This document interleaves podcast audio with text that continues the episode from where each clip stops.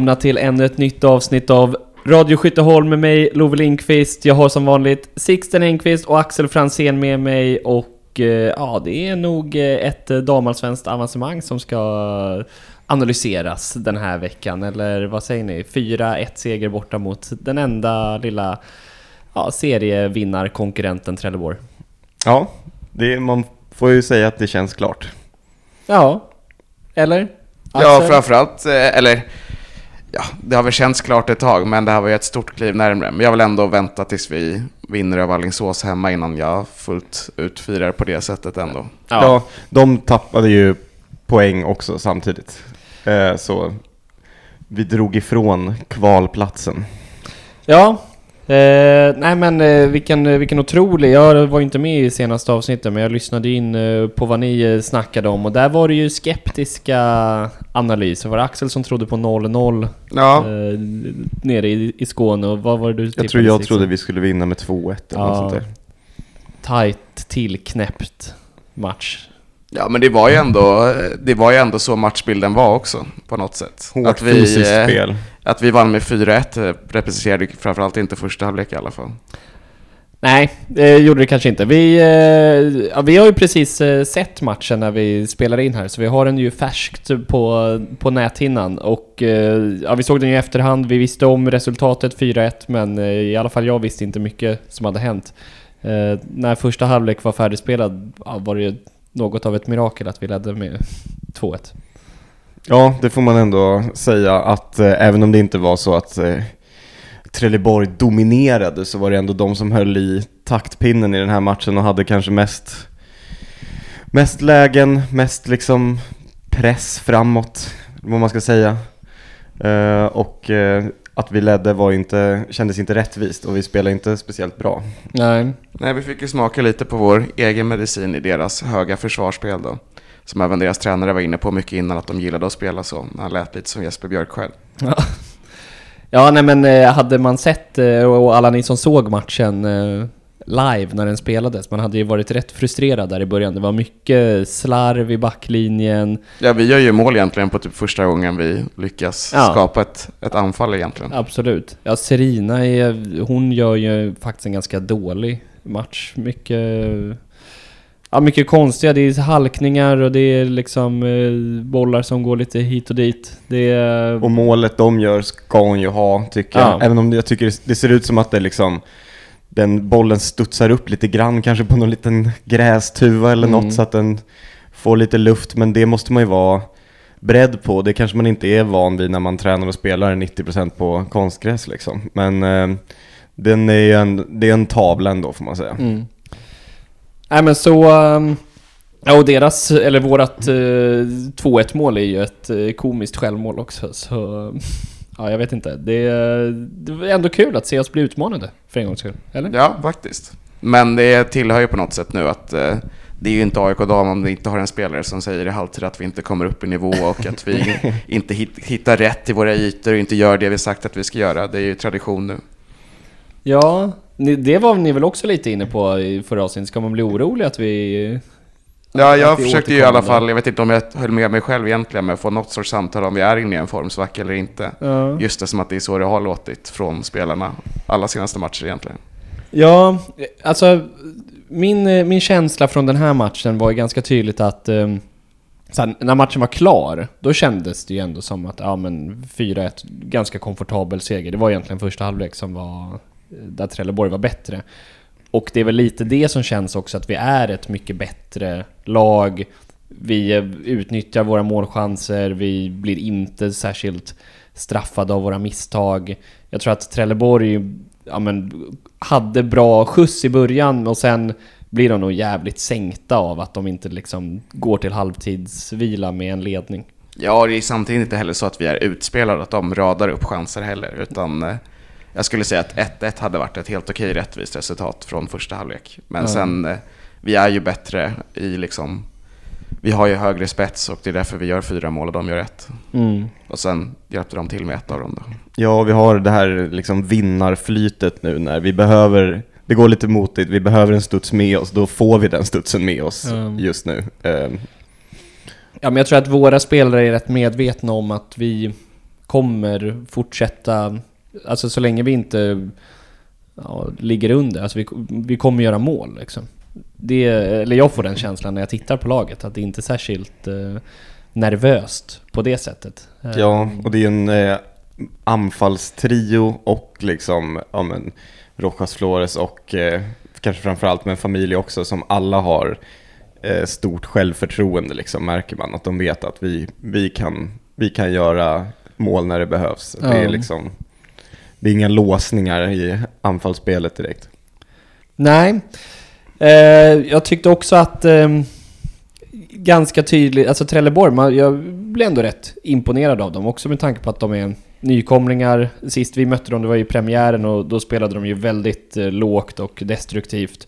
Eh, och nu var det ju, det var ju den roligaste matchen vi har Ja, spelat det var ju den matchen man känts mest som någon sorts match ändå, Ja. hittills i år. Precis, ett lag som faktiskt ja, men har något slags anfallsspel. Det tycker jag inte riktigt vi har sett Ja, men de matcher. kändes taktiskt slipade på något sätt. Ja. Att det var en taktisk kamp i alla fall. Men att det också var ganska eh, liksom stora gap mellan deras toppar och dalar. Att Ja, ibland... du sa ju under tiden vi såg matchen att det är, eh, det är långt mellan deras sämsta spelare och deras bästa spelare Ja. i kvalitet. Medan vi kanske är lite jämnare. Att det var mer som oss förra året när vi hade Honoka och Caroline Murray. Mm, exakt. Ja, för alltså målen som, eh, som vi gör. Eh, ja, det, det första är väl liksom ganska... Vi har gjort en hel del sådana. Snyggt snett inåt bakåt. Men sen så är det ju... Alltså självmålet är en grov tavla. Eh, 3-1 målet så kom ju Moa jävligt fri genom... Alltså de slutar ju bara försvara. Eh, känns det som. Och hon blir nerriven. Det ska ju vara straff om inte Jag den tror också vi är jävligt fram. jobbiga att försvara mot när vi kommer så. Alltså både Nildén och Moa kommer bara framrusande hela tiden och Ja. kommer igenom rätt ofta. Så jag vet inte, det är klart att försvarsspelet är väl alltid dåligt om man kommer igenom på något sätt. Men Mm. det är jobbigt att möta också. Ja. Ja, jag tycker ändå att det är vi som gör det bra också. Det är inte bara att de eh, liksom fuckar upp det. Och Moa var väldigt nyttig med sin fysik i den här matchen, för det var ju en, en väldigt hård match och kanske framförallt i första halvlek där eh, Mm. liksom, det revs och slet så det var mycket frisparkar. Jag tycker domaren ändå höll en bra nivå, liksom, att så här, tillät en del men eh, ja, blåste ändå frispark i rimliga, rimliga lägen och så. Och den, att vi ändå kan vinna till slut ändå ganska klart och tydligt mot ett fysiskt lag på, på naturgräs är ändå starkt. Ja, jävla formtopp alltså, på vi Moa. vinner ju fan, eh, alltså vi vinner ju seriefinalen med 4-1 på bortaplan. det är klart som fan det är en kanoninsats på, Ja. på något sätt. Nej, men vad jag blev lite glad över just när man får möta lite bättre motstånd. Det känns som att det just det här omställningsspelet som vi kanske kommer vara tvungna att förlita oss mer på nästa år. Där, alltså skulle man ha Nildén, Moa och Grabus på topp i damallsvenskan, det känns som att de kan kontra in några baljer alltså. Ja, verkligen. Och jag var imponerad över eh, Trelleborgs liksom uppspel, framspel, kontrings. Det gick ofta väldigt fort och det såg ut som att de hade en, en, en verkligen plan, liksom. alltså nästan som så här inövade varianter där så här. Mm, om vi vinner bollen här så kommer någon eh, och möter i mitten som skarvar tillbaks på någon som kommer i fart, som slår direkt ut på kanten, som Mm. vet direkt var nästa spring. Alltså det gick, det gick undan där. Vi, vi sattes ändå på, på prov defensivt verkligen. Ja, men jag håller med om det, att de eh, verkade mycket mer eh, alltså, taktiskt drillade. Kände jag. Eller att vi har mött lag ja, som kanske haft någon bra spelare och, och lite sånt där. Mest har de ju försvarat, men det var faktiskt kul att se ett lag som spelade fotboll också. Ja, och inte bara använde sitt bollinnehav till att passa runt i, i backlinjen och ta det lite lugnt, utan de gick väldigt, väldigt rakt fram. Vilket, Ja.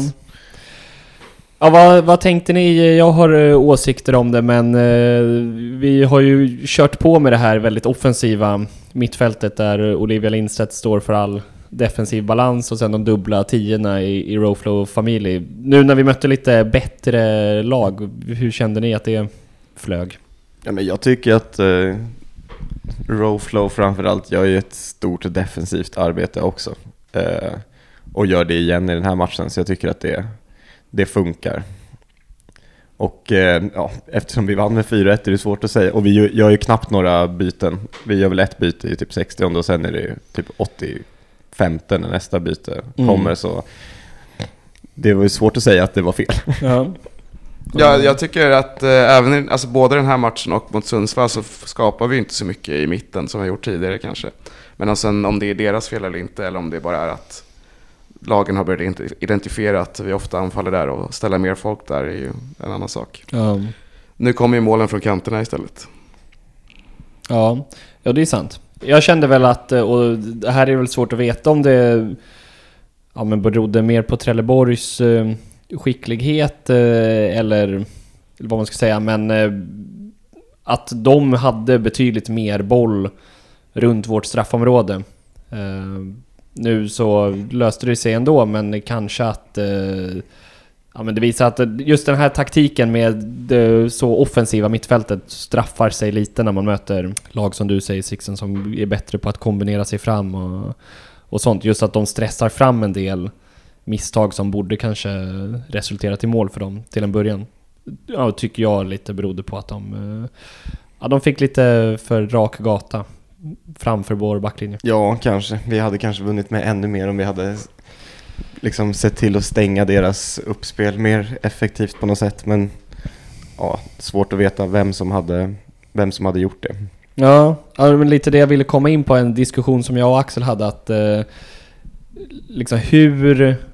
Klart vi kommer prata mycket om det här mer framöver, men eh, funkar den här eh, dubbla 10-taktiken när vi möter lag som faktiskt är bättre än oss?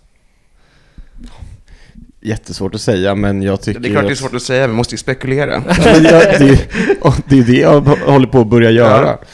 Men jag tror att eh, man, om man vill liksom ta steg och inte bara liksom satsa på att överleva damallsvenskan som vi gjorde förra gången så tycker jag att man ska fortsätta försöka vara på sikt ett offensivt spelande lag. Och med det sagt inte att vi ska ställa upp tok offensivt varenda match nästa år i damallsvenskan, men att jag tycker ändå man ska lita på att vi har den här spelfilosofin, den här spelidén och att fostra spelare in i den på sikt än att byta, byta tvärt bara för att det kanske ger eventuellt några poäng mer nästa år. Jag tycker att vi ska ha ett tillräckligt bra lag som kan spela offensivt och ändå hålla sig kvar i damallsvenskan. Mm. Ja men det, det håller jag nog med om. Det, och jag och Axel var lite inne på det under, under matchen, därför vill jag ha din åsikt eh, om det också. Hur liksom, behöver vi förstärka på mittfältet? Eller det började med att Axel sa, tror du familjer följer med upp i damallsvenskan? Eh, så vi börjar där Sixten. Det blir utfrågning av dig nu. Hur långt kontrakt har hon? Hon har bara i år tror jag. Okej. Det är, alltså det är nästan bara fem sex spelare som har kontrakt längre än i år. Ja. Vi kan gå igenom det någon gång i framtiden, men det är väldigt få. Ja. Det är nästan bara de som är under 20. Mm. Och de nyförvärven från i somras då. Ja, en, en, en spelare som är just nu ändå en given startspelare som har bidragit med mycket poäng och hon är ändå lite äldre och ja, men står för viss rutin i det här laget där ja, men det är många unga som liksom slåss om plats, eh, vad man ska säga, 7 till eh, 18 i truppen liksom. Att det är nog inte dumt att ha med, med äldre spelare, även om jag inte tror att alla de som startar nu kommer starta i premiären nästa år heller. Uh, känslan är ju att det är ju någonstans, eftersom uh, Rowflow är så pass bra defensivt, hon gör en sjuk uh, glidtackling som visserligen Ja. resulterar i ett gult kort, men hon, hon jobbar. Skandalöst gult kort tycker jag. Ja, men hon jag är förstår satsningen, men det är ändå en klockren på boll.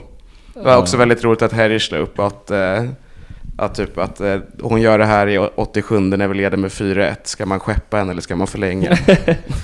Och att deras tränare svarar på den tweeten med tack för god, eh, Ja. härlig kamp eller något sånt där. ja, det är en annan grej. Trelleborg spelar ju rätt fult. Ja. Ja, men på ett härligt sätt. Jag gillar Ja. verkligen, eh, alltså, vi pratade ju en del om Joakim Feldin i förra avsnittet och han känns ju verkligen som, han har ju lyckats med något med det här laget och det kanske är en framtida stor tränare på något sätt ändå. Han är ju bara 33 eller något sånt där. Ja, nej men verkligen. Lite det som vi har sagt mellan raderna här nu. Att eh, de verkar ju vara taktiskt väl...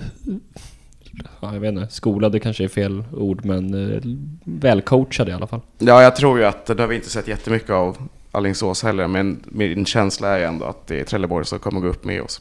Ja, Nu är det ju väldigt spännande mellan dem, att det är en poäng mellan dem, men eh, ja, de känns, de känns vassa. Mm. Men eh, Rojas Flores tycker jag kommer verkligen eh, till sin fulla rätt i, i en sån här match. Just därför är jag jävligt taggad på att se henne mot eh, kontinuerligt bättre motstånd. Vi ger henne 2-2 också. Både bra defensivt eh, slit men också ligger ju bakom rätt mycket eh, offensivt. Ja, och eh, skitfarlig på fasta Ja. genom hela matchen. Ja, är det, det är väl eh, någon slags låtsasassist till deras... eh, Självmål. Till självmålet. Fantasy-assisten. Ja. Ja. Jag gav faktiskt inte den. Va? Nej, jag tyckte det, det ska vara lite mer styrning på den där. Den här kändes inte... Om han liksom hade skjutit och den styrdes på henne, då tycker jag att det är assist. Men det här var som... Det var för grav- tarvligt. Ja, det var för... Hon kan inte få så mycket cred för den tycker jag. Nej. ja, jag tycker nog att hon ska få den. Ja, då får du starta din egen assistliga. Det är ändå hon som skickar in den i den farliga ytan liksom. Ja, visst, hon kan få den. Det är bara uppa våra poäng på alla spelare. Ja, så vi kan sälja dem ännu dyrare sen. Exakt. Ja. Ja, om det är några Women's Super League-scouter som lyssnar så kan ni få ta del av Axels poängliga. Och Ja, nu är den din också tydligen. så nu behöver du också ta ansvar. Jag kan inte mobba må- mig för poängliga. jag måste väl få ha en åsikt? Ja, men eller? jag lägger in den nu. Den är ju vår poängliga. Ja. ja, men det är du som administrerar den. Ja, som det mesta andra. Ja, det är Frostigt med Ja. det idag. Ja, du, varför är du så rivig? Man får inte tycka något i den här podden Jo. längre. Axel är hungrig, du har käkat en Ja. Ja. Axel, Axel har inte fått i sig någonting, för att tänka på. Ja, eh, det jag vill säga det är bara en liten Rowflow-hyllning. Hon är ju också i ett otroligt eh, bra stim nu. Som Axel sa också, att hon- är en sån som bara, bara får bash just nu. Ja, men det är ju sådana. Och det är ju för att de är i bra form. Man tilltalar sig extra mycket av dem när man har de har gjort många bra prestationer i rad. Monica Mm. var inne i ett sånt flow innan också till exempel. Precis. Ja, och typ man, när man ser matcherna så dras ju blicken till henne på något sätt för att man har vant sig vid att hon kan göra spektakulära grejer. Alltså man, jag tror man kollar mycket fler sekunder på henne än vad man gör på Lindstedt som Mm. är jättebra i det tysta ofta. Liksom, Exakt. sådär. Att hon fångar ens öga. Men eh, jävligt kul också att eh, faktiskt Moa Sjöström är ju det stimmet också. Och det är framförallt hon nu får ju våran eh, 2-8 idag. Har eh, väl ändå två klockrena assister som inte behöver snackas. ja. Ja, jag, jag älskar det- verkligen snubbelassisten som Ja. eh, blir... när det är någon sorts avvaktande straff typ, men, Ja, men eh, precis. det blir mål. Ja, den hade ju blivit straff om inte Nildén får bollen och blir hon inte kapad så gör hon säkert mål på det läget skulle Ja. jag tro.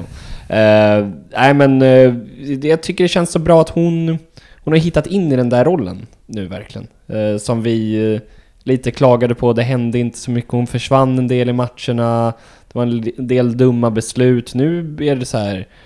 Hon ska riva där och eh, få in bollen till Grabus eller Nildén. Klockren roll. Ja, och det är oftare som hon faktiskt liksom kommer loss ur en lite trängd situation med bollen under kontroll än det var i början av säsongen. Mm. Där det ofta var liksom att hon, man såg att ah, det är så nära att hon liksom får med det men så får hon typ en för lång touch och den rinner ut eller att hon fastnar lite eller, eller att passningen in blir liksom konstig. Men nu sitter liksom alla de, alla de delarna. Ja men det är så skönt när en spelare kan liksom växa, bli bättre. För det är ju väldigt ofta man dömer en spelare lite på typ de två första gångerna man, man ser den och så är det lätt att de hamnar i ett fack på något sätt. Eh, men... Ja, både ett bra och ett dåligt fack. Ja, Så men precis. Alltså så är det ju. Eh, och jag minns ganska klart och tydligt första gången vi såg Moa och det var så här... Mm, hade gjort jättemycket mål i division 1 och det så här, ja, men jag hoppas det lossnar någon gång och sen så tog det rätt lång tid men nu är jag fan... Hon ska vara med upp. Ja, sen var det också en grej, jag vet aldrig om jag sa det här eller om vi har pratat om det innan, men att eh, jag kommer ihåg att Manuel sa i någon av alla sina intervjuer att det var han som hade scoutat henne i Älvsjö. Och det gjorde mig också lite skeptisk. Ja, Nu har ju såklart Harry sett henne också och varit med i bedömningen, men det var en sån liten grej. Men ja, hon är ju, ja, hon är ju jätte, i jättebra form. Alltså som jag har sagt många gånger tidigare, det som jag tycker är mest imponerande med det här laget överhuvudtaget och hela organisationen är ju hur vi utvecklar spelare och att alla spelare blir bättre på något sätt. Mm. Och det är, så borde det ju vara, men det är ju verkligen ingen självklarhet. Ja men det är ju höga krav på dem som eh, liksom knackar på dörren till startelvan just nu. Det är liksom... Finns ju inte direkt någon roll, som, eller någon position som känns lite, ja men det är lite hugget som stucket. Ja, Det är väl typ eh, vänsterbacksplatsen Ja, som ja, är precis. lite... Den Den är- är Jaltinen får den igen alltså. Ja, Där blir det lite konstig konkurrens. eh. Jag vet inte, är, ja Jul kom ju in, eh, Jul Hansen kom in sen i matchen. ja så, som forward liksom. ja. Eh, så helt Och Annika plötsligt så Svensson har byts ju vi... också in där precis i slutet, men... Ja, men plötsligt har vi tre spelare som konkurrerar om den platsen liksom. Eh, ja, men så det, och det är väl kul på något sätt också. Det väl, ställer väl höga krav på alla som eh, vill starta. Ja, och det blir ju lite skevt eftersom Monica är så himla given Mm. på sin kant så blir det liksom ja, två vänsterbackar och en högerback som ger upp om den sista vänsterbacksplatsen. Men eh, ja, så är, så är det just nu. Ja. Tufft, att vara, tufft att vara Annika Svensson. Ja, och eh, ja, någon som kanske inte hade sin eh, bästa match är ju Adelisa Grabus som eh, börjar... Eh, ja, fan, hon börjar få lite konkurrens i skytteliga toppen. Nildén gör hattrick idag och gör man hattrick så får man 3-5. Nej, men hon fick ju inte det sist. Fick hon inte? Nej, men nu, nu är det... Okej, Nu, nu, redemption då. nu liksom, vi lägger oss platta nu. Gav Nu den till får Moa då? Jag tror det. Ja, sjukt. Ja, det var att hon hade gjort tre assist va? Ja, Ja. precis.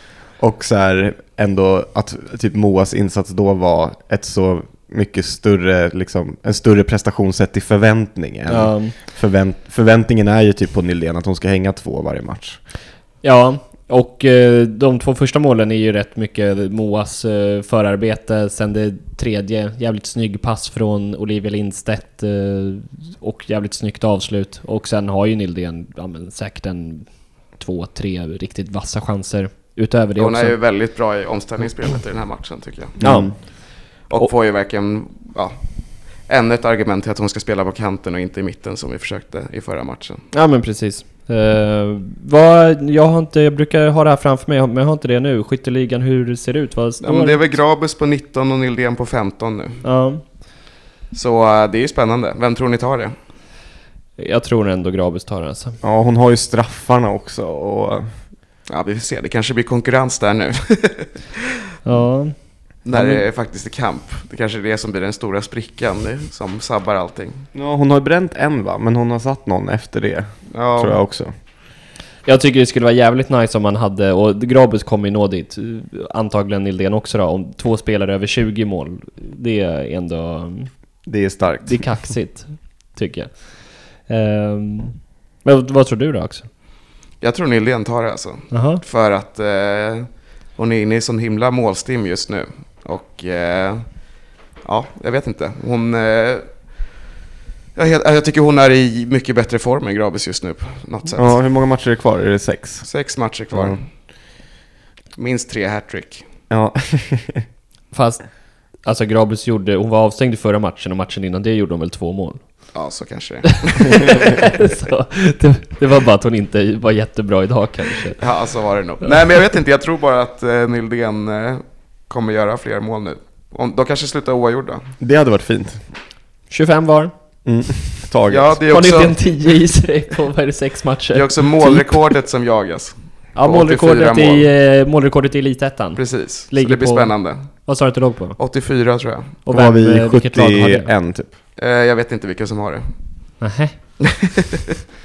Men, Det jag hittade var att det var Umeå jagade det 2021, men de, de kom bara upp i 82. Men jag kommer inte ihåg vilka som hade det från då. ja, det görs vi, vi behöver mål. alltså precis över två mål per match resten för att ta det. Det känns ju inte omöjligt alls. Det känns ju jättekonstigt att vi in, alltså om vi inte skulle göra det. Alltså, så här, vi kommer ju troligtvis, alltså vi lär väl snitta på tre mål per match. Ja, men jag ser framför mig att vi vinner över Alingsås nästa, Mm. eller nästa, nästa helg. Och sen så eh, ja, gör vi det som krävs för att säkra det. När det kanske är tre matcher kvar då. Även Mm. liksom helt, helt säkra det. Och eh, då tänker jag mig att de här hemmamatcherna mot Bromölla och Bollstanäs kommer bara vara en jakt på målrekordet. Och att vi ska gå 100% in på att göra det. Och det tror jag kan bli underhållande.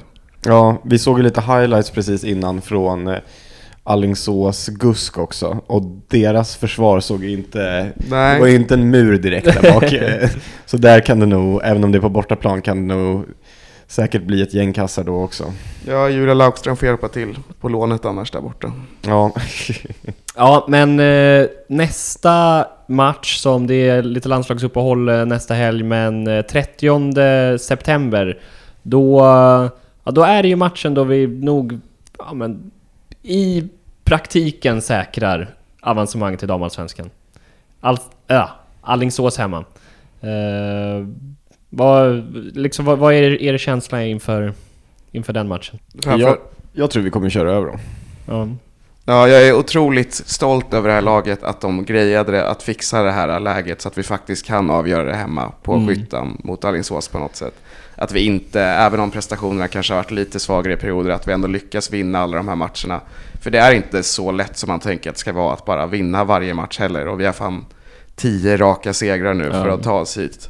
Och jag tror ju, och jag vet att man var, jag tror att den här premiärmatchen mot Trelleborg, den har liksom tagit hårt på dem innan att de inte lyckades leverera inför publik då. Sen har man gjort det när det varit lite större publik såklart. Men den här matchen så tror jag ändå att vi borde kunna bli många. Vi borde kunna ha ett väldigt peppat lag som ska liksom kröna den här säsongen på något sätt, känner jag. Så jag tror också att det kommer bli en, en överkörning som man inte vill missa heller. Nej men eh, absolut, jag, jag funderade också lite på um, så vad Allingsås måste gå in med eftersom de eh, kryssade mot Gusk. De hade ju världens chans. Ja, de vi- ledde ju också med 2-0 och tappade det till 3-2 Ja men precis. Alltså när vi slog eh, Trelleborg, hade de bara slagit Gusk så hade ju de gått upp på um, direkt Mm. uppflyttningsplats. Och eh, Trelleborg och Alingsås möter inte varandra någonting mer. Så då hade ju de bara kunnat Ja, gå rent är jättelätt men eh, ändå, de, de, eftersom de har vunnit mycket så skulle det kunna vara möjligt. Nu måste ju de slås. Alltså, jag tror inte de... Jag tror inte Trelleborg kommer tappa mer poäng än vad Alingsås gör på slutet, så... Nej, Trelleborg hade ju extremt stark form innan matchen Ja. mot oss. De hade väl också nästan... Ja, De hade typ exakt samma som oss de senaste 10 matcherna så innan tror jag. 9-1-0 på Ja. sina 10 liksom. Ja, det är sjukt. Eh, så att Alingsås, om vi vinner mot Alingsås, skulle ta upp fyra poäng på Trelleborg, då känns ju inte så troligt. Nej men exakt. Så uh, de lär ju gå före, eh, så det kan nog bli, bli en jävligt sevärd match tror jag. Ja, och det där är ju liksom så här, det är klart att de kollar på oss och sånt och man vet ju att de som, de som har gått före mot oss har ju fått, fått smaka rätt rejält då liksom. så eh, det är ju, ja, jag är inte helt säker på om man kommer gå så offensivt. Det är klart de har någon sorts här, vi har inget att förlora inställning, men de, eh, de känns ju också lite, lite tuffa och lite defensiva på ett sätt Mm. jämfört med Trelleborg. Så de är inte lika progressiva på något sätt. Ja, de är ju typ det mest målsnåla laget i hela serien. Ja men fan den här Gusk-matchen som vi kollade highlights på där det var totalt öppna spjäll Jag vet inte vad som hände i den matchen. Alltså. Jag rekommenderar att se highlights. Det är eh, ett av de mest actionfyllda highlights-paket jag sett i mitt liv. det är inte hög kvalitet när, men det hände mycket i alla fall. Det är underbart, den ringer verkligen in hur elitettan kan vara på något sätt. Den, den har allt. Eh, nej, jag, alltså, jag är sjukt eh, pepp på, på den här matchen och jag... ehm, ja, jag tror verkligen att det kan bli mycket folk och vi uppmanar ju alla att... så här, alla som lyssnar på den här podden kommer ju gå, det är vi tämligen säkra på. Men eh, hetsa era, era kompisar. Ja men precis, den här matchen är lätt att sälja in till folk också. Mm. Alltså, vi vet själva att vi har många kompisar som är så här, ja men det vore kul att gå någon gång. Och så vet man inte exakt när den gången blir och, och tyvärr med många blir det ju aldrig eller att det tar några år innan de kommer. Mm. Men den här matchen är ju, det, ni har många argument att använda för att komma på den här matchen. Ja. För eh, ja, det här kommer bli, eh, det kan bli väldigt roligt. ja men det är en lördag klockan fyra. Eh, bara en sån sak. Det är... Nej, jag hoppas nästan att de flyttar den, för jag såg att folk skrev om att det är tydligen hockey. En av de första hemmamatcherna i hockey klockan 18.30 eller något sånt där. Så det Ah. går liksom att eh, hinna båda. Men om den hade varit tre hade det kunnat vara en riktig AIK-dag. Det borde inte vara så jävla svårt att, att flytta den tycker jag. Nej, sen vet man inte. Skytten är ofta belarmad med många olika lag. Men Ja. ja, eh, ja skitsamma, jag kanske inte borde sagt att det är hockey. Det är ingen hockey, så det är- det finns inga ursäkter att missa. Jag tror det är liksom Radio Skytteholm-lyssnarna, är de så jävla frekventa besökare på Hovet tror Ja, jag? de har ändå något sorts intresse för eh, fler AIK-sektioner än AIK-fotboll här. Ja, kanske det. Uh, ja, nej, grymt, uh, grymt peppade. Men visst är det tyvärr så att vi inte kan säkra det rent matematiskt? Nej, om vi vinner matchen? den så kommer vi ha 11 poäng ner till Alingsås med fem matcher kvar. Ja. Så vi kan ju säkra det, ja, det Mot på. Gusk. ja, det är Ja, om, fortfarande vi vinner Gusk. mot, om vi vinner mot Gusk och Alingsås tappar poäng i den omgången, då är det klart. Ja, vi möter Jitex Ja, först efter. Men, ja, ja, Precis. men om man utgår från att Alingsås vinner även den Ja. omgången så blir det först mot Gusk. Ja. Som vi har haft siktet inställt på. Jag hade nästan blivit besviken om det blir Jitex. Men Faktiskt. Eh, för det, nu går vi händelserna i För förväg jag men... tror också att det är då, jag jag får att jag kollade på det igår, att eh, vi kommer i sådana fall bli uppflyttade i, i kostym då, eller i kavaj. Ja. För att Alingsås spelar efter oss den omgången. Så om vi vinner mot Jitex och de tappar poäng då så kommer det... Ja, det är ju, det är ju trist tyvärr. Men liksom, jag tänker att så här, det är extatiska firandet och ändå så här, man kommer ju känna mot Alingsås att varje mål är lite extra mycket att fira den här gången. Och det är ändå Mm. där, det är ändå den här matchen som jag var inne på innan också. De här två matcherna är ju de som avgör om, om vi går upp eller inte på Mm. något sätt. Eller på ett sätt kanske vi hade klarat att gå upp ändå, men eh, att vi punkterar i alla fall. Mm. Och där har vi i alla fall klarat av halva nu. Ja, det, det har vi väl i alla fall helt matematiskt säkrat nu att det, vi kommer komma som sämst trea. Det är, Ja, det är klart. det är 20 poäng ner till... Ja, jag trodde att jag var kaxig när jag sa 15 poäng ner till fjärdeplatsen, Ja. att jag trodde vi skulle hamna där, men ska vi upp på 30 eller? Ja, kanske. Det är ju stort glapp där. Ja, det, det är så jävla sjukt. Jag satt och tänkte på det, vad otroligt, vad otroligt tråkigt det måste vara för liksom Gusk och ja, vilka nu som ligger... Det är Gusk och Umeå som verkar byta Ja. position med varandra där lite. Att liksom, ja men göra en ganska bra säsong, ligga fyra, då, då kanske man slåss om uppflyttning, men så nej. Ja. liksom. Och det är inte, det är inte speciellt spännande väl i den absoluta botten av tabellen Jo, men det är faktiskt ganska spännande. Lite, men där är det väl mer liksom eh, årsboksluten som är intressanta. Att, Ja, det är ju fyra poäng mellan tionde och trettonde platsen, så det är ändå ganska spännande. Ja. Ja. Men sen är det ju, ja precis, det är ju två konkursbon i Bromölla och Malbacken där, som Mm. båda kanske kommer dra sig ur, så man får se hur det blir. Ja, precis. Sen får man ju se vilka damallsvenska klubbar som konkar. Ja. ja, det, Ja, det är alltid mycket jobb som ska göras för serieläggarna. ja, precis.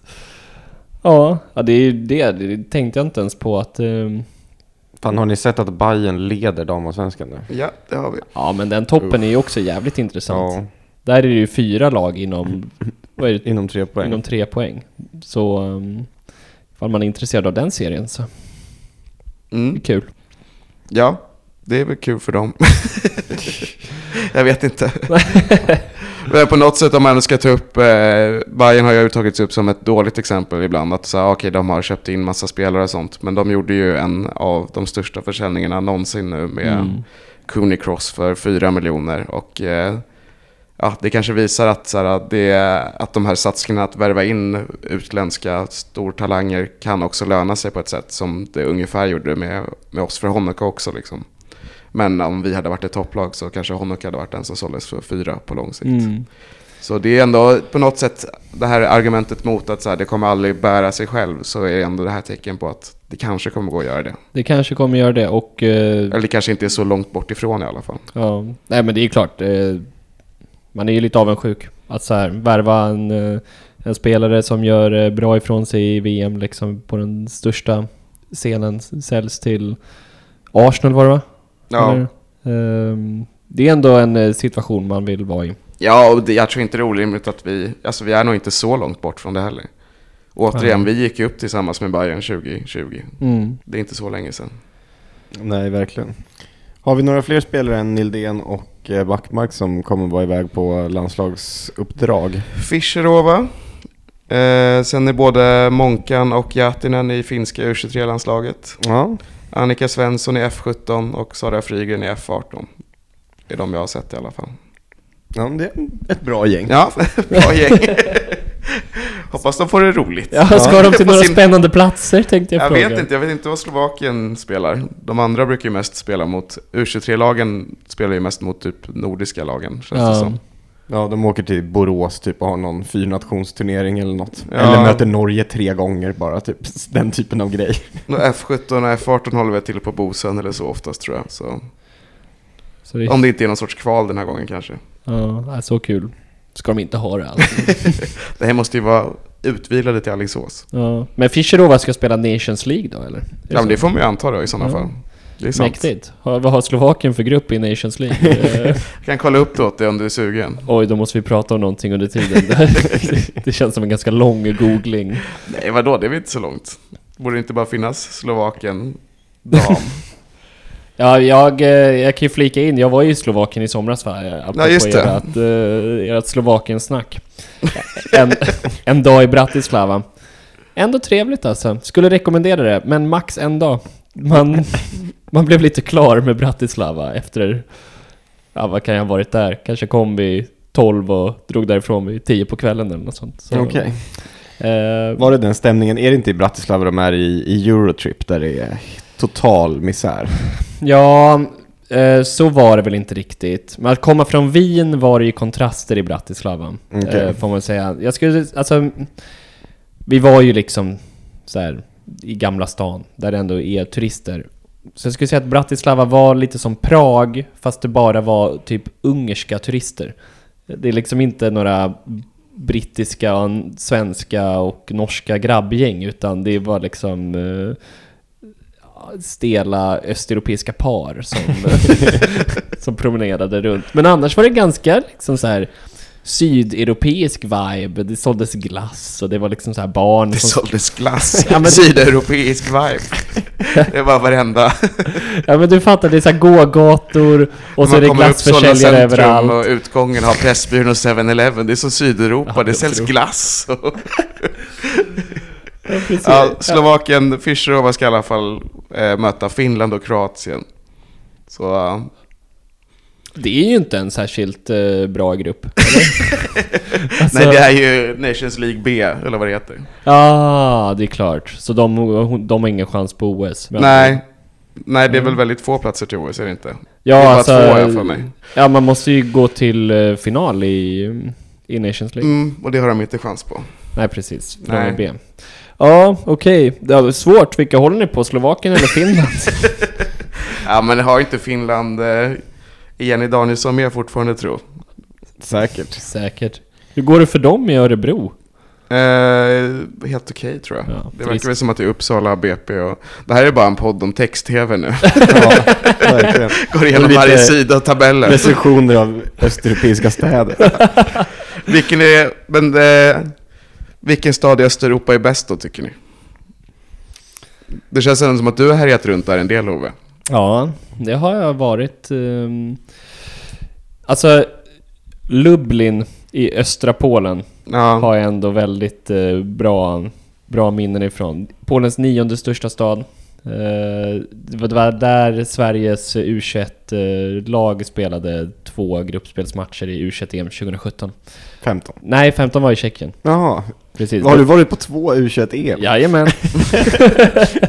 så, så jag har sett platser som Uherske Hraditste och eh, eh, Kielce och varit på fotboll i. Så eh, ja, nej men Lublin håller jag högt, men eh, ligger precis på ukrainska gränsen så jag vet ja inte. det är lite stökigt nu då Ja, kanske. precis. Det, är- det, det kanske är annorlunda. Ehm, men eh, rekommenderat annars. Ja. Det är bra. Ja. Borde ha med Fischerova i ett avsnitt så får hon berätta om Slovakien för oss. Ja, Hon, har hade väl också, Polen ja precis, hon hade ju nästan bott i Polen i, i 5-10 år eller vad det var också. Känner du dig polsk? Kanske har varit i Lublin till och med. Ja, precis. Gjort lite studier på knän. Ja, det känns som att vi håller på att runda av det här Jag avsnittet. tror det. Kanske borde ha gjort det för ett tag sedan Ja, precis. Jag ska åka hem och göra fried rice. Trevligt. Är kanske kul. ska nämna också att eh, den här kuppmatchen mot Norrköping som är en annan höjdpunkt under hösten och ser Mm. fram emot har fått ett datum. 17 oktober Precis. 19.00. Och eh, ja, vi kommer ju ta den när det närmar sig. Men efter Alingsås-matchen blir det den stora hypen. Då. När det har varit tusen pers och sett oss krossa Alingsås och mer eller mindre säkra avancemang till damallsvenskan, då tar vi nya tag, möter Norrköping. Och sen kan vi också avsluta vår Nildén Watch eftersom att det engelska fönstret är stängt nu. Mm. Det franska är dock öppet till 20 såg jag, men eh, och ska vi inte till Frankrike? Det tror jag inte.